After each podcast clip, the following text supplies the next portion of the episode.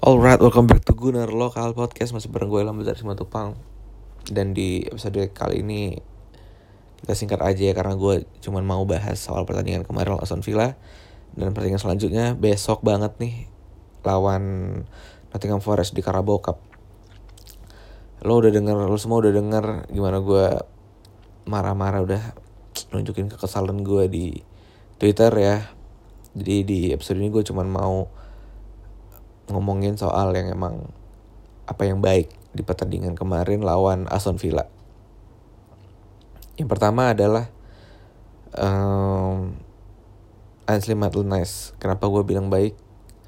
Gue bilang ini salah satu apa ya bentuk rebelnya Maitland-Niles kalau sepertinya dia udah muak banget main di posisi sayap kanan, back back back back sayap kanan, sorry.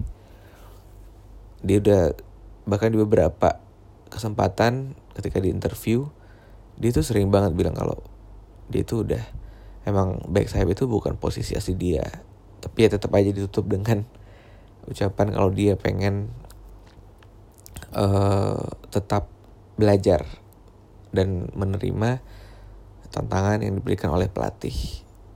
Nah, kenapa ini gue bilang yang apa persoalan yang baik karena uh, dengan aksi rebelnya Maitland Niles yang sebenarnya kalau kalian lihat tackle-nya Maitland Niles yang kedua yang kartu kuning kedua itu kayak sengaja sih. Dia bisa aja kakinya nggak usah diturunin sama dia tapi kaki Maitland Niles diangkat sedikit. Ini kalau mau Annabelle-nya analisis, analisis gembelnya. Dan dengan aksi rebelnya ini dia baru nunjukin ketika Calum Chambers udah mulai baik, udah udah udah mulai sembuh dan udah mulai bukan sembuh sih, udah mulai muncul nih potensinya buat main di first team. Karena kan kalau kalian lihat emang Chambers ini kan di musim pertamanya juga right back kan, back kanan kan. Nah, apalagi Bellerin juga udah mulai sembuh. Nah, mungkin Mylon Niles berpikir kalau wah kalau gue mainnya di back sayap terus potensi gue nggak akan keluar nih. Ya udahlah gue bikin pengorbanan dengan gue dapet kartu merah biar nanti kalau Chambers bisa main dan Bellerin juga udah mulai balik. Gue nggak akan ditempatin lagi di back kanan. Itu kalau mau analisis gembelnya dari gue jadi kenapa kartu merah Maitland Niles kemarin baik ya mungkin dia udah muak dimainin di posisi itu dan di saat yang bersamaan kalau Chambers juga udah siap untuk mengisi pos back sayap bagian kanan. Itu yang pertama. Yang kedua, of course, my G, our G, our Guendouzi, Arsenal future captain. Main ini pemain lagi-lagi dua apa? Dua pertandingan Arsenal Tottenham terus juga lawan Aston Villa kemarin.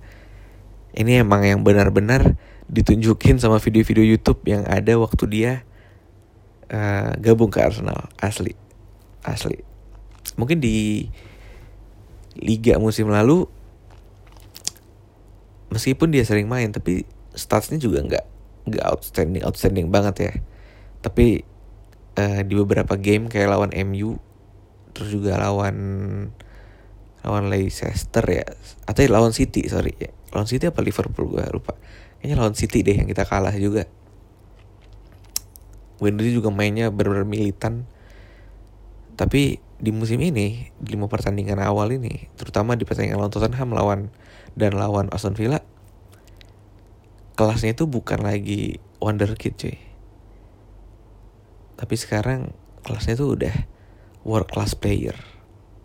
Beneran coba kalian lihat di Premier League sekarang siapa gelandang yang umurnya di bawah 20 tahun yang bermain sebagus Guendouzi?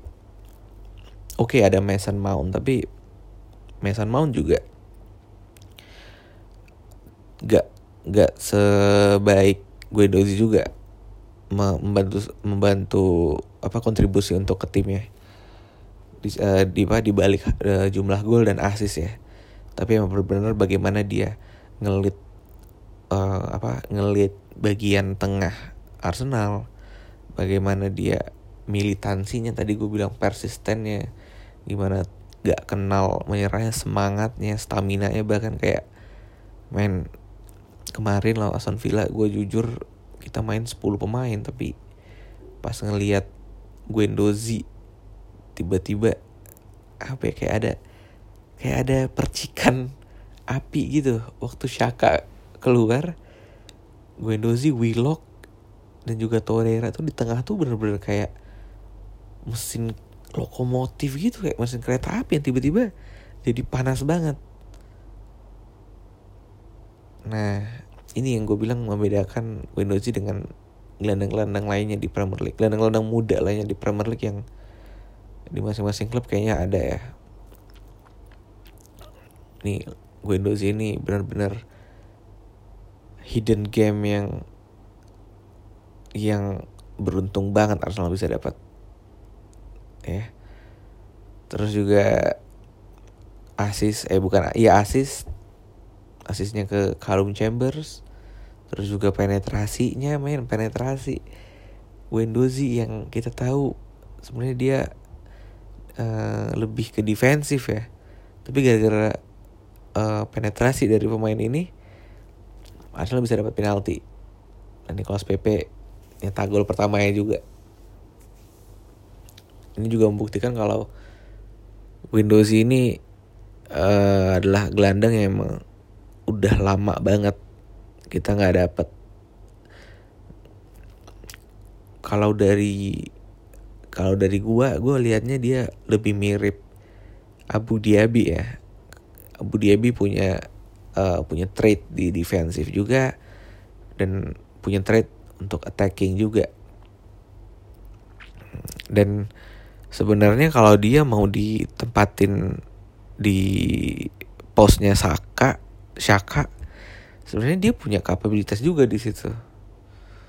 Ini yang gue seneng dari sih. Dia nggak uh, cuman punya satu dua trade doang tapi bahkan hampir semua kemampuan yang emang seorang gelandang punya tuh dia ada. Mungkin satu kekurangan dia fisikal ya karena badannya masih terlalu ringkih tapi ingat umurnya masih 19 ingat Ronaldo dulu badannya waktu umur sebelum umur 20 aja masih ringkih banget ya. Tapi kalau emang dia benar-benar mau uh, fitness segala macam bisa aja badannya se sebalki Ronaldo atau gelandang-gelandang kayak James Milner bahkan kalau bisa. Karena dia udah punya yang lainnya speed dia dribble dia juga oke. Okay. passing ya lu lihat aja hasilnya. Asis ke asis ke Aubameyang lawan Tottenham sama asis ke Kalum Chambers. Itu semua hampir mirip loh asisnya. Chip ball kayak gitu segitiga L1 dan untuk tim kayak Arsenal yang punya uh, tiga pemain di depan yang speedster semua runner semua Aubameyang Pepe Nelson Lacazette uh, Saka bahkan sekarang tiga-tiganya punya kemampuan di bagian speed. Umpan-umpan kayak gini tuh manjain banget dan gua rasa ini yang gak ada uh, di Shaka makanya tuh gue bilang ini Shaka gunanya apa sih? Nah Windows ini punya makanya dengan semakin sering dia main kayak gini ya semoga bisa ngesadarin Emery lah. Kalau dia juga sebenarnya bisa ada bermain di posisinya Granit Xhaka. Oke itu yang kedua Windows. Yang ketiga man Of course our savior. Nih pemain benar-benar dermawan banget ya gue jadi inget katanya Arsene Wenger waktu di interview sama Bein Sport yang kemarin. Kalau striker-striker kayak Benzema dan kayak Firmino yang rela mengorbankan jumlah gol mereka jadi lebih sedikit untuk pemain lain. Mungkin kalau Firmino untuk Salah dan Mane untuk dan Benzema untuk Ronaldo yang musim musim musim kemarin. Itu jarang banget yang ada gue juga sempat mikir iya juga ya uh, pemain ini rela kan striker emang tugasnya kan nyetak gol dan Firmino dan Benzema ini kalau kalian lihat statusnya gol-golnya juga untuk seorang striker dengan tim-tim yang bergelimang bintang kok kecil banget. Tapi itu tadi kontribusinya untuk pemain lainnya gede banget. Bahkan Benzema pernah ada satu musim jumlah asisnya lebih banyak daripada jumlah golnya. Gokil nggak tuh? Nah, waktu Wenger bilang gini gue juga mikir wah Arsenal kapan ya bisa punya kayak gini. Nah, dan akhirnya tiba-tiba kita punya Aubameyang dan meskipun cara kontribusinya itu berbeda ya. Tidak seperti Benzema dan Firmino. Apa uh, jalan dermawannya, cara dermawannya itu berbeda. Mungkin kalau Firmino kan dia rela turun ke bawah dan jadi penyambung nih antara antara posisi tengah ke depan yang ada Mane dan Salah. Tapi kalau Aubameyang ya dengan cara-cara kayak gini dengan cara untuk memotivasi kepercayaan diri dari pemain-pemain yang apa kompatriotnya di barisan depan. Kita tahu dia musim lalu uh, bergantian ya. Ketika Lacazette lagi pacak leg gol, ada kesempatan penalti, dia ngasih Lacazette. Dan terbukti setelah Lacazette nyetak gol penalti dari hibahan Aubameyang itu hasilnya kayak gimana. Lacazette mulai banyak jadi penentu penentu ya gol-gol Lacazette jadi banyak penentu untuk Arsenal musim lalu dan ketika Aubameyang gagal nyetak gol waktu penalti lawan Tottenham ada kesempatan lagi kan maksudnya setelah Aubameyang gagal itu kan ada beberapa kali Lacazette yang ngambil kan tapi gue ingat waktu lawan MU Aubameyang ngambil just Aubameyang nyetak gol dan hasilnya apa? Nah dia jadi top score dan kembali lagi musim ini dia ngasih apa nunjukin kedermawannya itu dengan ngasih penalti ke Nicolas Pepe. Dan yang lebih apa ya yang lebih menakjubkan yang bikin gue anjing nih pemain gokil banget adalah itu tuh skor satu kosong loh dan kita dapat penalti dan penalti itu benar-benar krusial. Itu kalau nggak masuk kita ketinggalan.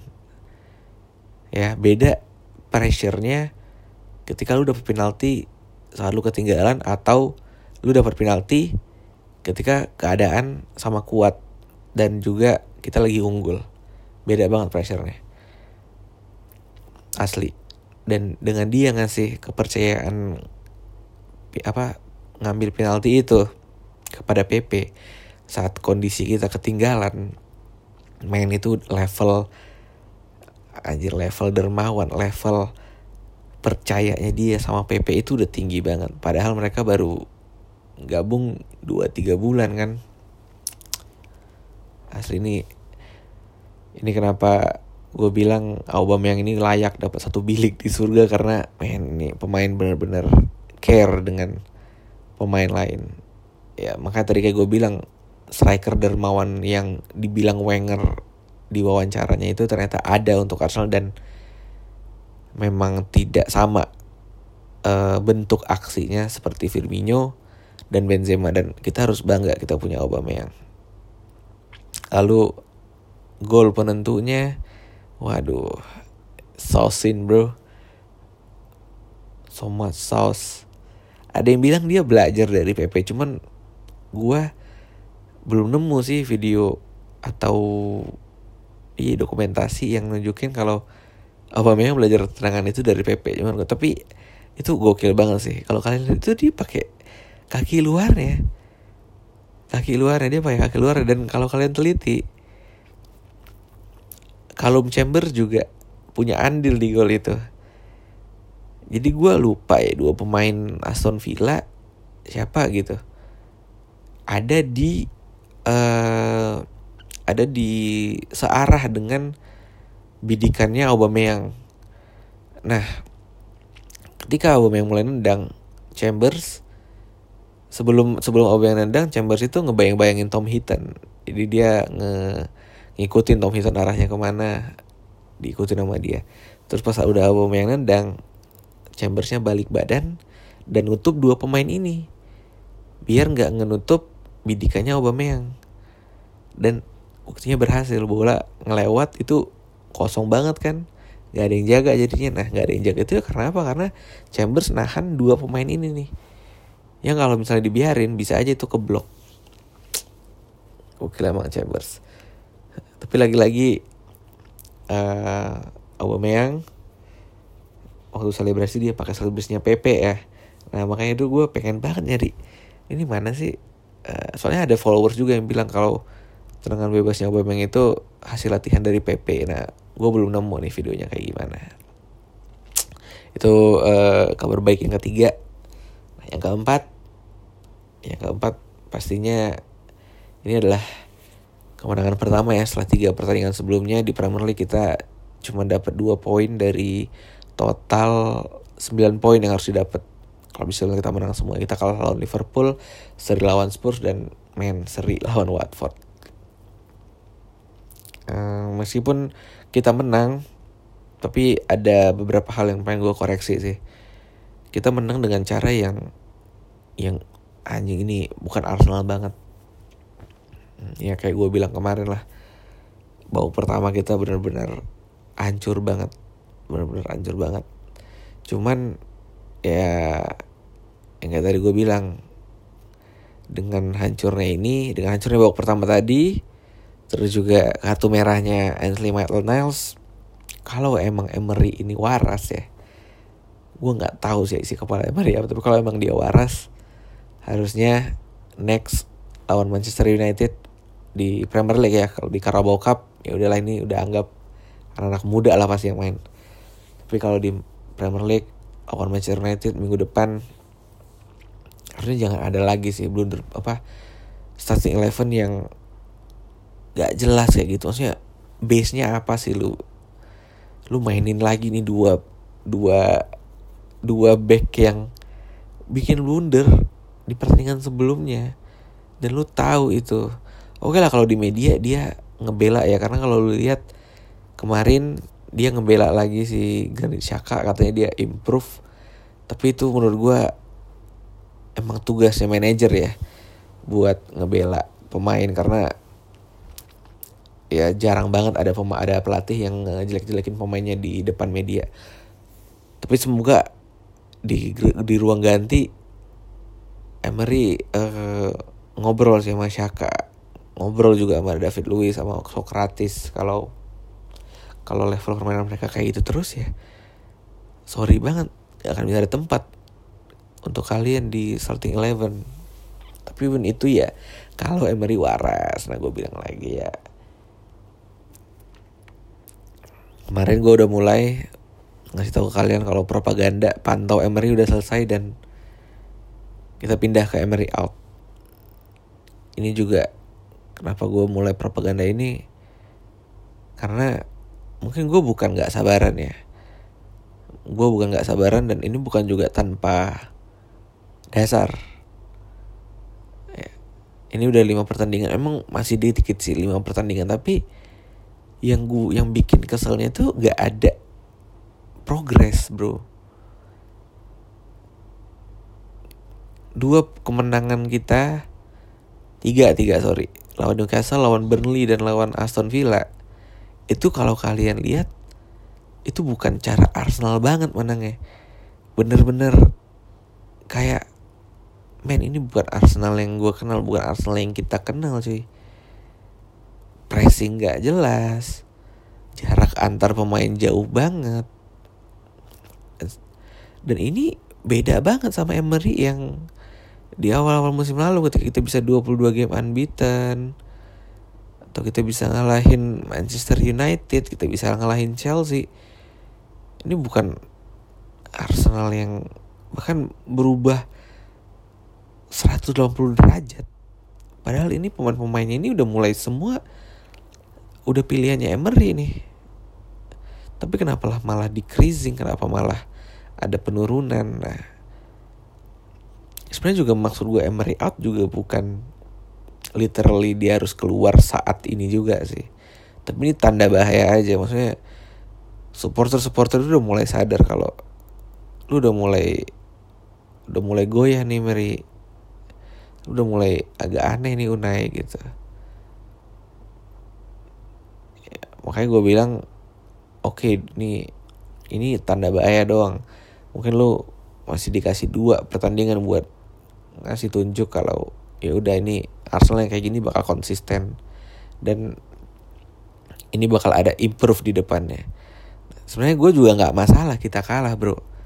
Kita mau kalah 3-0 2-0 tapi kalahnya itu gue pengen lihat Arsenal mainnya mainnya gak gak sefrus apa ya gak se, gak, gak bikin sefrustrasi itu gitu loh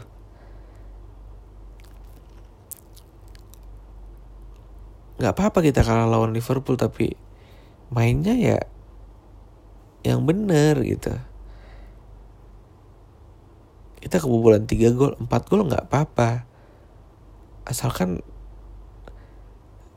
apa ya jalan dari apa jalannya bola dari belakang sampai ke depan itu kita nggak tertatih-tatih gitu loh. Nggak nggak sampai ngos-ngosan banget nggak sampai kayak kayak anak TK lawan anak SMA main bola gitu.